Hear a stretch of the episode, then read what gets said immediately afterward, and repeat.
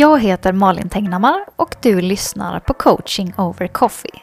En podcast från One Spoon Happiness där jag varje vecka över en kopp kaffe delar med mig av tankar, mindset och konkreta övningar för att skapa mer glitter i livet. Det här innehållet går också att hitta i videoformat på Instagramkontot at onespoonhappiness. Nu till veckans avsnitt. Hej och välkommen till veckans coaching over coffee där vi ska prata om att spendera pengar. Roligt va? Eh, nej, men skämt åsido så ska vi prata om aligned spending. Det vill säga att spendera pengar på saker som man verkligen vill ha. Eh, och det låter ju väldigt, väldigt enkelt men det är inte riktigt så enkelt för folk gör inte det. Eh, jag har inte råd är ett eh, uttalande som väldigt många har runt väldigt mycket saker som de väldigt gärna skulle vilja göra eller ha. Men som de inte alls pratar om runt saker som de har för sig är tvungna att man ska ha. Eh, där spenderar man bara trots att man alldeles nyss inte hade några pengar. Eh, och det här tänker jag är vad vi ska prata om. Eh, och som en liten disclaimer. Såklart finns det personer som inte har några pengar alls att spendera. Eh, och det är ett jätteviktigt och eh, krångligt problem och kan vara jättejobbigt på jättemånga sätt. Det, så, och jag menar liksom inte att bortse från det för att det är klart att det är realiteten för jättemånga. Men för jättemånga så är realiteten också att de har råd med olika saker. Bara det att man väljer att lägga sina pengar på ja, inom citationstecken fel saker. Och det är det. Eh, det är den vinkeln vi ska prata om idag. Så har vi det sagt bara. Eh, och det jag menar då med det här, det är till exempel att väldigt, väldigt många byter mobiltelefon vartannat år. Eller väldigt många köper en stor TV eller väldigt många eh, byter upp sig till en ny bil. Trots att man kanske inte har funderat på om det är någonting som gör en eh, gladare, om det faktiskt är nödvändigt eller om man gör det bara för att man ska göra det. Men däremot att komma iväg på en, en utlandsresa eller att gå ner i tid på jobbet, det har man inte råd med. Eh, och det tänker jag är, är dumt. Och det här är liksom eh, det här var ju två stora exempel när man spenderar jättemycket pengar. Men jag menar det är samma sak som så här, när du går till ICA på fredag och ska köpa lördagsgodis. Eller gå till ICA på fredag. När du går till mataffären på, till helgen och ska köpa helgmys. Då tänker, gissar jag, väldigt många inte särskilt mycket på det. Utan de går dit och köper det de vill ha. Och så går de hem igen. Men att spendera 200 kronor på en eh, bok som du skulle vilja ha eller att köpa en workshop som du skulle vilja göra. Då är det såhär, mm, ja, det, jag måste tänka på det. Um,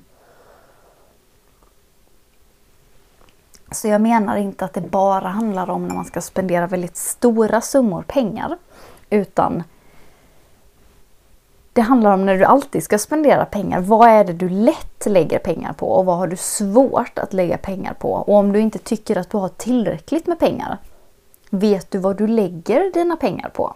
Har du funderat på vad du behöver? Eh, för jag har också en teori om att eh, ju, mer, ju mindre vi gör av det vi egentligen skulle vilja göra, desto mer pengar spenderar vi. Eh, för att om det enda du gör är att jobba på ett jobb som du inte tycker om för att få pengar, då måste de pengarna sen vara värda någonting. Och det blir de ju bara om du sätter dem i rullning eller om du då sparar dem till någonting som du verkligen, verkligen vill köpa. Men det tenderar att bli viktigt att gå förbi affären och köpa den där tröjan eller de där byxorna. Om du har det jobbigt och stressigt för att det blir en release. Eller liksom det blir en avslappning i att du får göra det och du får unna dig något och det är ändå lite härligt trots att det var en väldigt jobbig och stressig dag på jobbet, säger vi. Um, så att kanske funderar du mycket på det här, kanske funderar du lite på det här. Men det, som, det här är liksom lite bakgrund till det här med aligned spending. Och jag är ledsen om jag använder mycket engelska ord, men jag tycker inte riktigt att det finns en bra översättning för det här och jag hoppas att du som lyssnar på det förstår ändå vad som menas med det. Eh, och det som du får med dig nu är att göra en övning.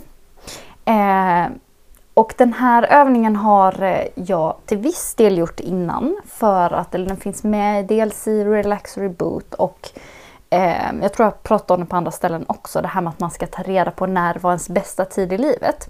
Och det här är lite samma sak fast du eh, ska ta reda på eh, vad du vill spendera pengar på.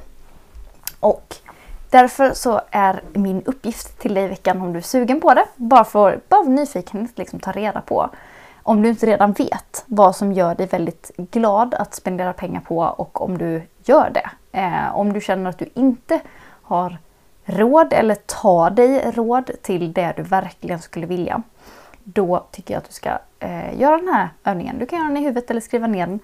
Eh, men fundera på tre tillfällen i livet där du har varit väldigt glad och nöjd. Vad har du gjort? Och liksom hur har eh, omgivningen eller liksom hur har hela setupen varit? Eh, och då kanske du kommer fram till att eh, det var när jag eh, pluggade, det var när jag var i Asien, det var när eh, jag precis hade träffat den här personen, eh, säger vi. Eh, och om du kan se då, när du har skrivit upp de här tre sakerna, se om du kan hitta mönster i det här. Eh, och när du då kommer fram till någonting så kanske du inser att de tillfällena när du verkligen har känt att så här, jag är på rätt ställe. Vad är det då som händer då? Um, om du kanske är bland människor eller du är utomlands till exempel. Eller då du är med en, med en ny partner. Och vad, vad, är det som är, vad är det som är härligt med det? Eh, och sen så försöker du liksom pinpointa kan du köpa den typen av upplevelser? Eller rättare sagt, med de pengarna du har, lägger du dem på saker som gör ditt liv bättre? Om det är att vara bland människor till exempel.